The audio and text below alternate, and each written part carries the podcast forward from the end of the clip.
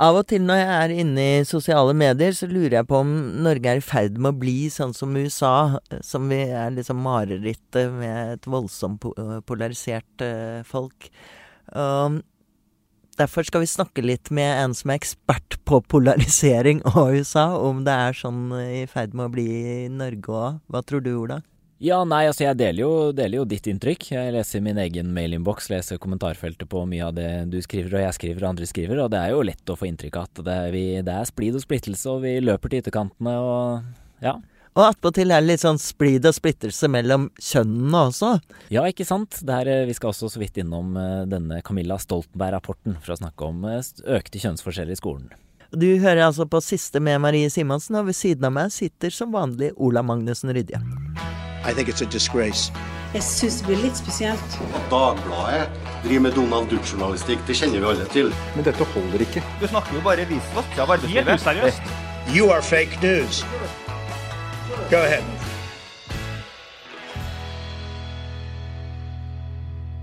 Vi må jo snakke litt om polarisering her i denne podkasten også, for det er det alle snakker om nå, er det ikke det, Ola? Ja, det er det du driver med på Twitter, sier folk. Eh, så vi bør kanskje adressere det, ja. Det er riktig.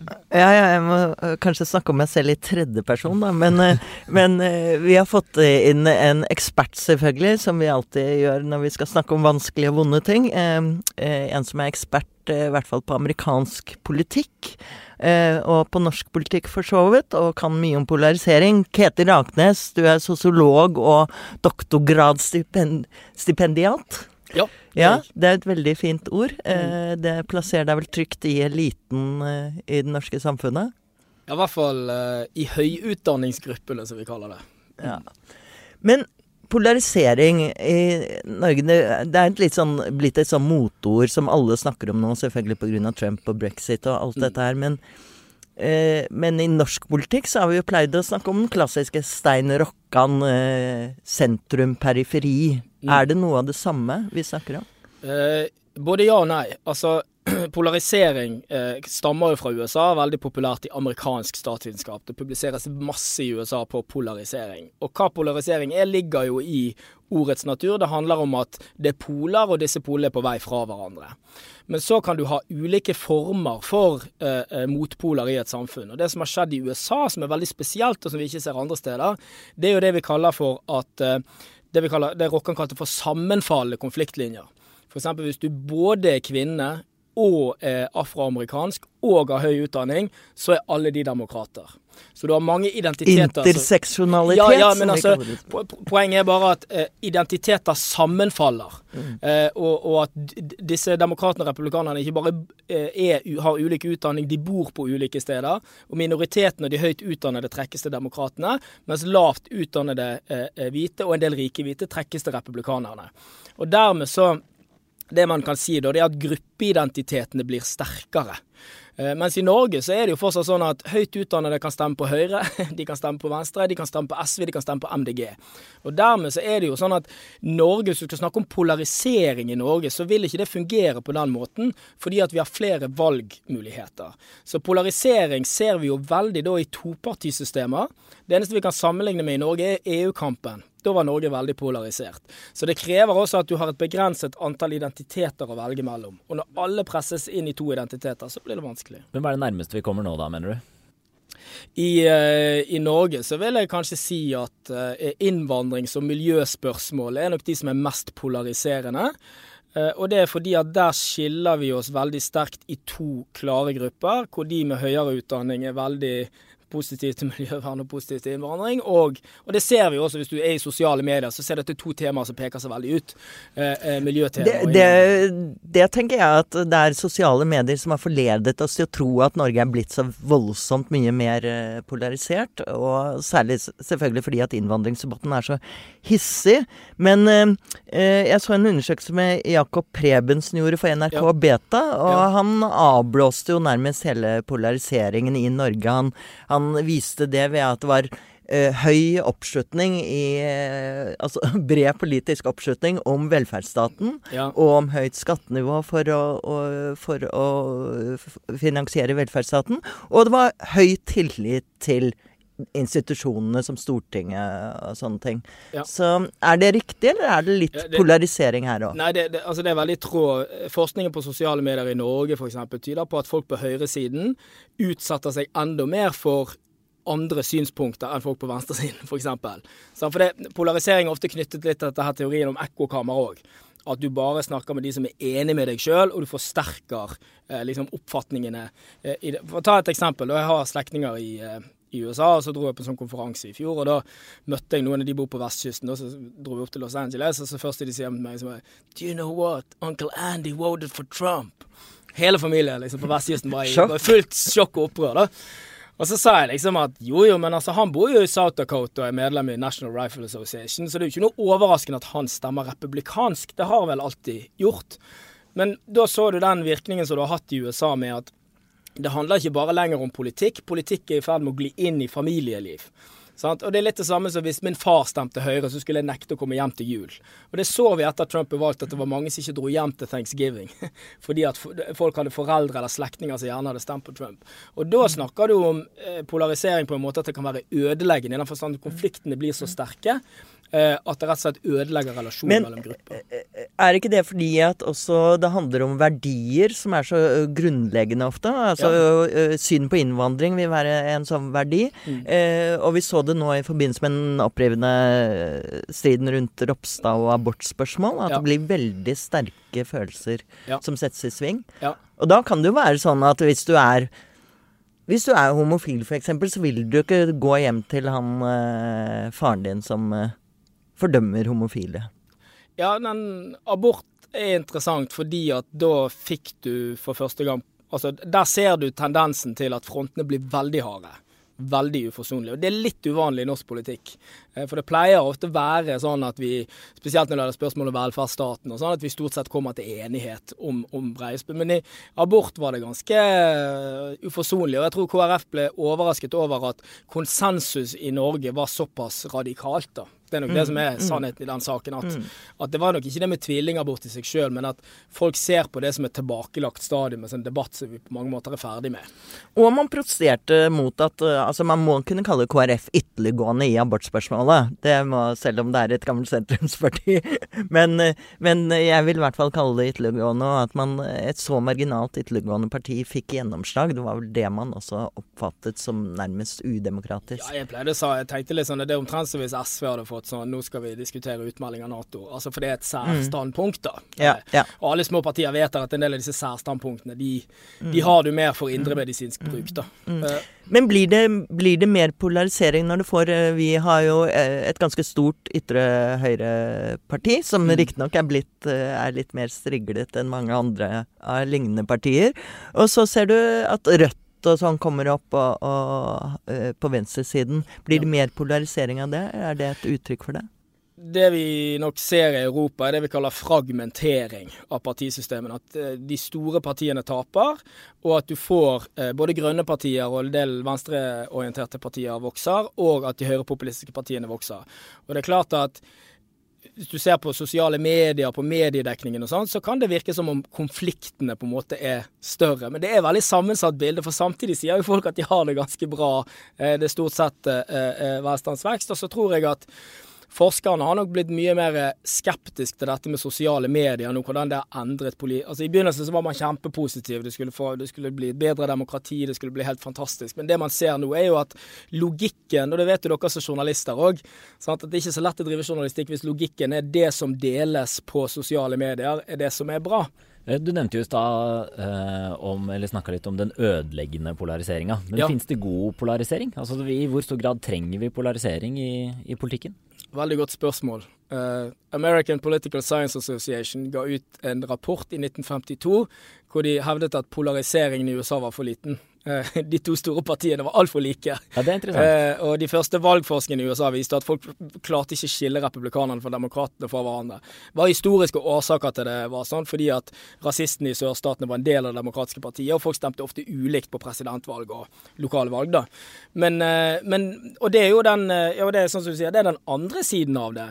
Eh, kritikken fra journalister og velgere er jo ofte at vi klarer ikke å se forskjell på De er for partiene. like. Stein de er Erik, for like. Stein Ja, ja, Erik ja, ja. Hagen sa jo nå at eh, de var for like. Og nå sier jo Jonas Gahr Støre at eh, han, han føler at dette er en mulighet for Arbeiderpartiet til å markere seg mer Ja. som et venstresideparti. Ja. Tror du det vil skje? Det tror jeg vil skje. Ja. Jeg, jeg tror nå at etter at KrF valgte side, så er det jo ingen grunn for eh, de rød-grønne å holde igjen.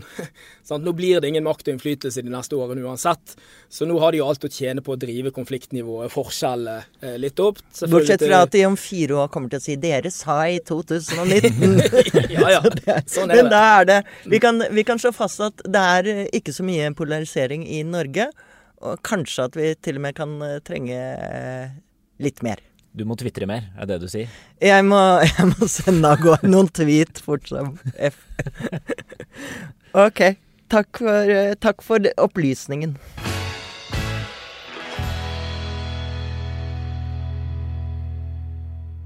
Vi har snakket om polarisering, men det er en eh, polarisering som har eh, pågått siden tidenes morgen.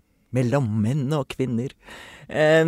Det viser seg at eh, i norsk politikk er det veldig store kjønnsforskjeller, rett og slett, mellom venstre- og høyresiden. Du var veldig overrasket da jeg nevnte det for deg, Ola. Ja, eller det var sånn det, det slo meg at sånn, dette er noe jeg burde tenkt på tidligere, eller kanskje sånn undersøkt tidligere, men det er noe jeg ikke har tenkt så veldig mye over. Jeg tenkte at vi var liksom eh, greit Ja, fordelt, kanskje ja. ikke på noen av partiene, da, på ytterkantene, Ja. men eh, at det var litt jevnere i midten, det trodde jeg. For det er jo ganske markante forskjeller både mellom eh, i Arbeiderpartiet og Høyre, men på ytterkantene er det jo veldig stor forskjell. SV har syv av ti velgere er kvinner, og i Frp er det motsatt. Der er drøye seks av ti velgere menn.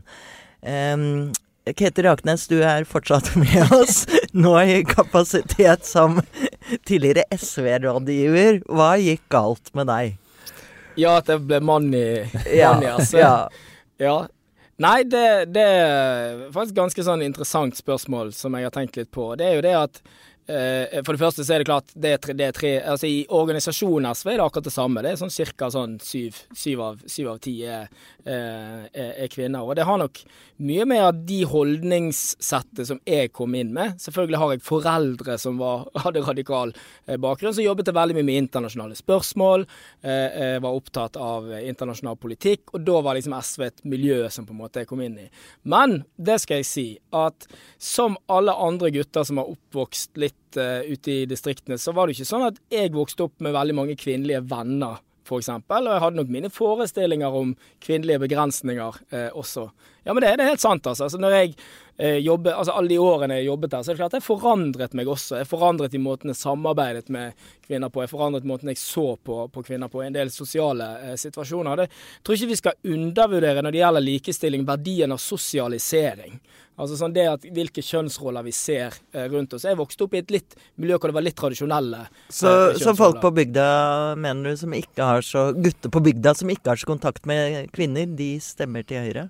Nei, men, men det har med hold, altså holdningssettene forklarer jo mye her, ikke sant. At, uh, men jeg du kan si det på den måten at alle store samfunnsforandringer medfører at noen grupper føler at det går veldig bra for de, og andre ikke at det går fullt så bra.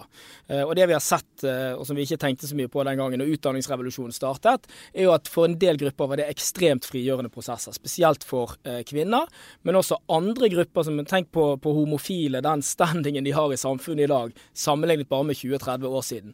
Og så ser vi det at menn med lavere utdanning, som gjerne sto høyt etter den første industrielle revolusjonen, de har ikke kommet så og det ser vi jo på disse høyrepopulistiske partiene også, at de er overrepresentert. Og så kan vi jo diskutere fram og tilbake om det, eh, eh, om det er holdningene deres det er, er noe galt med, eller om det er måten de blir møtt på som er noe eh, galt med.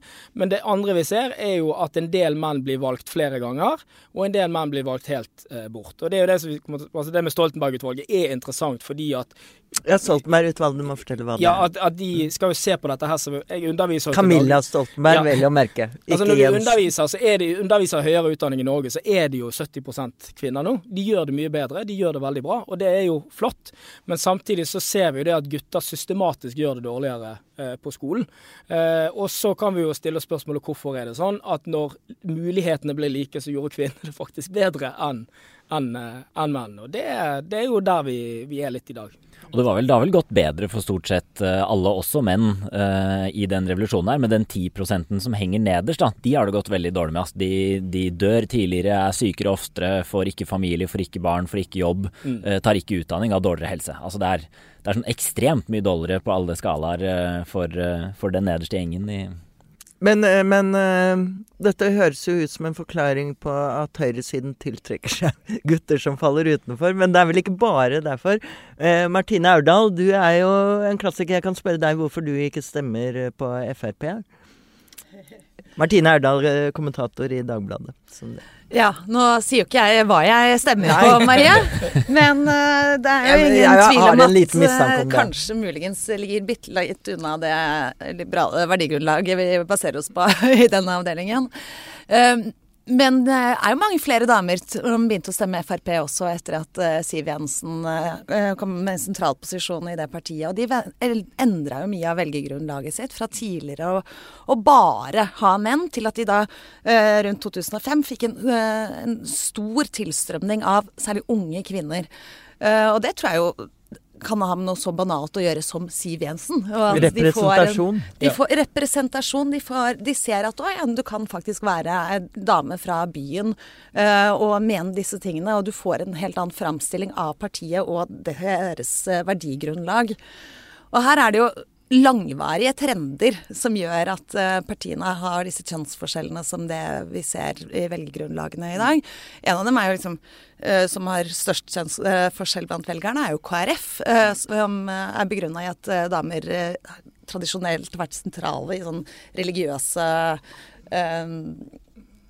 hva har du ristet på huet for? Nei, jeg rister på hodet fordi at jeg, jeg ikke ser ikke på radio. Dette, dette, ja, jeg, det var derfor jeg skulle diskré riste på hodet til deg, at det ikke er, det ikke er tilfellet lenger. Men det er jo fordi at KrF er vel knapt mulig å måle snart. Nei, men det, men det er i endring. Uh, det har jo vært ikke sant, Tradisjonelt uh, så har jo uh, kvinner også stemt konservativt over, over hele verden. Mm.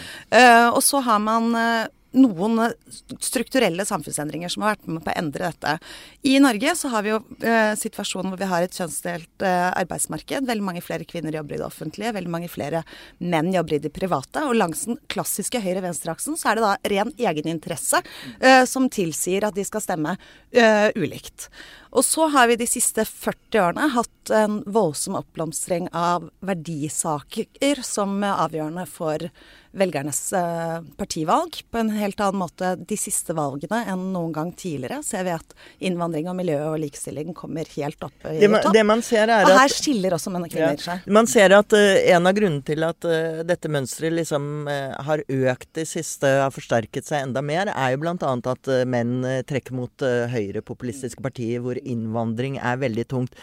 Men eh, Ketil Raknes, at eh, nå diskuterer du liksom venstresiden at ja, ja de vil ha flere mannlige velgere, og så er det flere som da sier at å, det vi må gjøre er å kvitte oss med jentelus omtrent. Vi må kvitte oss med all denne femipolitikken. Vi må slutte å være så solidariske og snakke så mye om abort og likestilling og sånn. Er det veien å gå?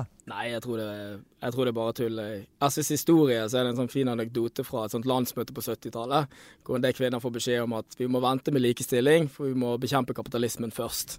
Eh, og Det har alltid vært en forestilling, og dette handler jo om marxisme og Altså, dette handler om ideologi. Eh, en del mennesker på venstresiden mener at alt handler om økonomi. Og når de økonomiske problemene er løst, så vil alle andre problemer løses. Og da pleier jeg å si at tror du en imam blir mer liberal av å tjene 500 000 i året? Selvfølgelig ikke. Så det, det mener jeg en feilaktig teori. Det er klart at eh, i politikk så er det sånn at ideer har selvstendig kraft. Eh, og, ideer om undertrykkelse, ideer om likestilling, kan fungere uavhengig av økonomisk status. Du kan tjene to millioner i år og mene at kvinner er dumme, og du kan tjene 300 000 i år og mene at menn og kvinner skal være likestilt. Så det, men så får du et dilemma, nemlig knytta til at hvis du skal tiltrekke deg et flertall, så må du balansere. Og det er sånn som Martine sa, tradisjonelt sett var jo kvinnene de borgerlige velgerne. Sant? Som de, de, stemte for kjernefamilie og religion. Og i hele Europa så var kvinnene mer konservative enn menn. Så det har jo skjedd en, en, en utskifting mellom de to. At kvinnenes økonomiske frigjøring har ført til at de også liksom oppfatter sine egne eh, interesser annerledes. Men jeg tror det, liksom, det å gå rundt og være flau over at kvinner og høyt utdannede stemmer på venstresiden, det tror ikke jeg er liksom noe sånn her eh, Men du kan gjøre sånn som sosialdemokratene har gjort i Danmark, nemlig at du vi vet at en god del velgere er venstreorienterte i den økonomiske politikken, og så er de høyreorienterte i verdispørsmål. Så det en del sosialdemokratiske partier ser gjør, er at de strammer til i innvandringspolitikken, og så kjører de hardt i fordelingspolitikken. Så det, men samtidig Det har jo Arbeiderpartiet, vil jeg jo si, har en veldig streng, uh, streng innvandringspolitikk. Og, så uh, og, så, og de har jo nå 57 eh, kvinner. Det er jo en ja. stor overvekt der òg, så ja. det hjelper tydeligvis ikke å være høy og mørk i innvandringspolitikken innvandringspolitikken heller. Men eh, Martine, eh, tror du at um, Det kan jo være at uh, venstresidens partier har litt, snakket litt vel mye om likestilling og pappapermisjon og slike ting? At, uh, at det er andre ting som tiltrekker mannlige velgere? Ja, men jeg tror noe av det farligste man kan gjøre, er å gå rett tilbake i den uh, fella som Ketil antyder her, og, og hage, hige etter den uh, mannlige lavtlønnede industriarbeideren uh, som, som, skal være det nye offensive velgergrunnlaget i en gruppe som blir færre og færre, særlig i Norge, og som også er med på å forklare denne endringen i velgergrunnlaget. Da. Men Ola, på mandag så skal eh, Camilla Stoltenberg legge frem dette utvalget, resultatet av utvalget sitt. Eh, kan ikke du fortelle, du har skrevet eh, litt om det allerede. Det er en, eh, det er en rapport som jeg tror det blir, kan bli ganske mye diskusjon om. Ja, det blir veldig spennende. Altså det, bakgrunnen for den er jo at uh, jenter gjør det bedre enn gutter på skolen uh, i snitt. Uh, og det vil man finne ut hvorfor. Uh, og det er ikke bare noe som er særegent Norge, så man kan liksom ikke skylde på noen politikk her. Det er i alle OECD-land omtrent, så gjør jenter det bedre enn gutter på skolen. Uh, og det er noe man jo selvfølgelig skal være glad for at jenter og kvinner gjør det veldig, veldig bra. er liksom, Man har ikke satt ned det utvalget her nå for å prøve å ta ned jentene, men prøve å finne ut av ok, er det noe vi kan gjøre for å løfte gutta fram. Uh, og når er det forskjellene oppstår, f.eks. Uh, noe som jeg tror kommer til å uh, At det kommer til å komme frem at det oppstår jo før de begynner på skolen. altså Det oppstår allerede i barnehagen, så begynner jenter å få et forsprang. Og det er litt fint, er det noe forhold i skolen som gjør det her? Er det sosioøkonomisk bakgrunn? osv. osv. Så, videre. så det en spennende, spennende, dag på mandag. Og særlig fordi de er jo forventa å legge frem en del forslag til hvordan skal vi bøte på det. Eh, og det tror jeg kan bli veldig kontroversielt. Og her blir det klassekamp mot, eh, mot kjønnskamp og i det hele tatt. Dette utvalget begynte jo egentlig med at Camilla Stoltenberg selv reiste en veldig spennende og, og viktig debatt rundt uh, akkurat dette. Og som handlet også om at Eh, kan tidlig skolestart Altså ja, at vi har hatt tidligere skolestart, har vært med på å forsterke dette. Vi vet jo at eh, jenter er tidligere utvikla enn gutter. Vi vet også at skolen i stor grad har utviklet seg i en retning med eh, lengre tid mellom pausene, mer stillesitting, og fra da barna er fem og et halvt år, mange av dem, når de begynner på skolen. Og at eh, kjønnsforskjellene har blitt forsterka av det. Og det er jo noe av det utvalget da har sett, eh, sett nærmere på, som blir innmari spennende å se hva de kommer fram til. Ja, der har, der har faktisk Camilla Stoltenberg kommet med en lekkasje allerede, og de sier at de ser altså at seksårsreformen ikke har hatt uh, noe å si for kjønnsforskjellene. Uh, den kan ikke være med å forklare det. Så at det at man begynte et år tidligere, uh, det er ikke det utslagsgivende for hvorfor. Men det kan ha Altså, modenhet er jo et sentralt spørsmål. Uh, mange har snakka om er, er gutter rett og slett modne nok til å begynne på skolen. Jenter er mm. tidligere utvikla, de klarer å få med seg mer men, men, da er det jo ikke logisk at seksårsreformen ikke har hatt noe å si. Hvis Nei, den, har ikke, den har ikke Altså det at de starta et år tidligere eller ikke, har ikke nødvendigvis uh, vært utslagsgivende. Fordi forskjellene mm. innad i hver klasse kan være opptil tre til fire år uh, i, i modenhetsalder. Så er det jo bare å se på et hvilket som helst klassebilde fra slutten av barneskolen hvis du vil se forskjellen på jenter og gutters utvikling. ikke sant? Hvor jentene er en halvmeter høyere og dobbelt så breie, mens de der små, tynne gutta står. Uh, og det er jo, vi vet jo at det er stor forskjell mellom de som er født tidlig på året, og de som er uh, født seint på året i en klasse også. Mm. Sånn at det at den biologiske kjønnsforskjellen i modning har noe å si, er jo ikke å dra det for langt, da. Mm. Og alt henger sammen med alt som vi vet fra politikken. Og det er jo at, at vi snakker om dette er fordi at uh, vi ser at mange gutter faller utenfor. At de gjør det dårlig på skolen. Jenter dominerer på høyere utdannelse.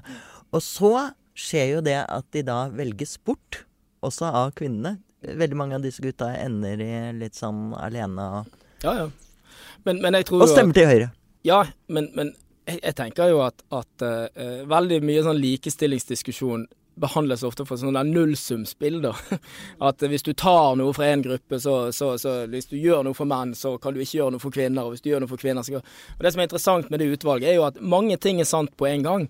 Det er helt riktig at menn har eh, mange flere maktposisjoner i det norske samfunnet. Da de har større økonomisk eh, makt enn det eh, kvinner har. Men det er også sant at en god del menn faller, faller utenfor, og en god del kvinner utsettes for psykisk vold og seksuelle overgrep. Så jeg syns det, det, blir så latterlig ofte med disse diskusjonene at Og det tror jeg er bra med det utvalget, det er jo at vi trenger litt fakta om For dette er et stort dette er et, Samfunnsforskere er veldig forvirra rundt dette med hvorfor. Er det biologi? Er det, er det, kulturelle ting? Er det noe med måten vi har organisert samfunnet vårt? For det kan jo ikke være det at, at gutter i utgangspunktet er dummere enn jenter. Det, det, det, ville jo, for det var jo forklaringen på kvinner veldig lenge. Det var at kvinner var dummere enn menn, og derfor kunne de ikke mestre skolegang. De kunne ikke mestre matematikk, eh, den type ting. Men det vi ser er at når forholdene er ganske like, så gjør jo jentene det markant bedre.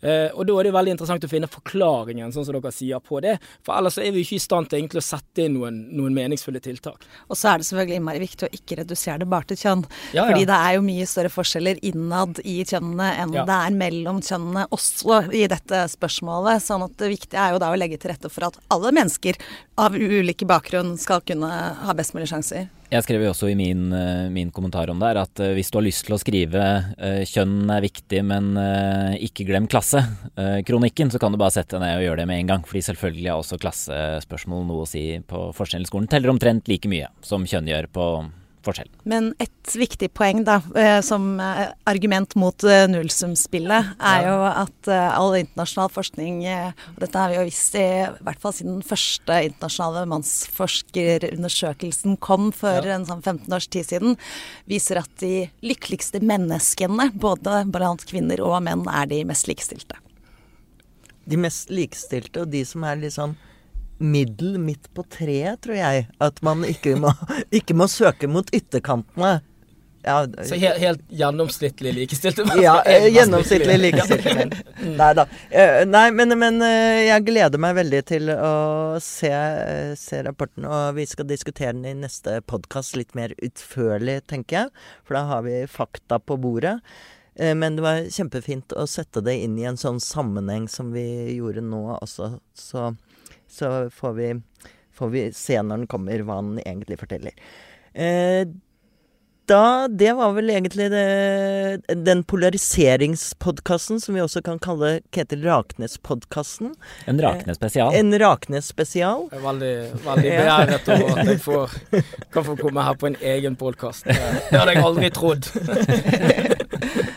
Så uh, gå gjerne inn på Facebook og Lik oss der. Og så har jeg hørt at uh, det gjelder at dere rater oss. Ja, veldig gjerne det. Abonner uh, på podkasten i uh, appen på telefonen din, og så gjerne rate oss, da. Gi oss fem stjerner, vær litt snill.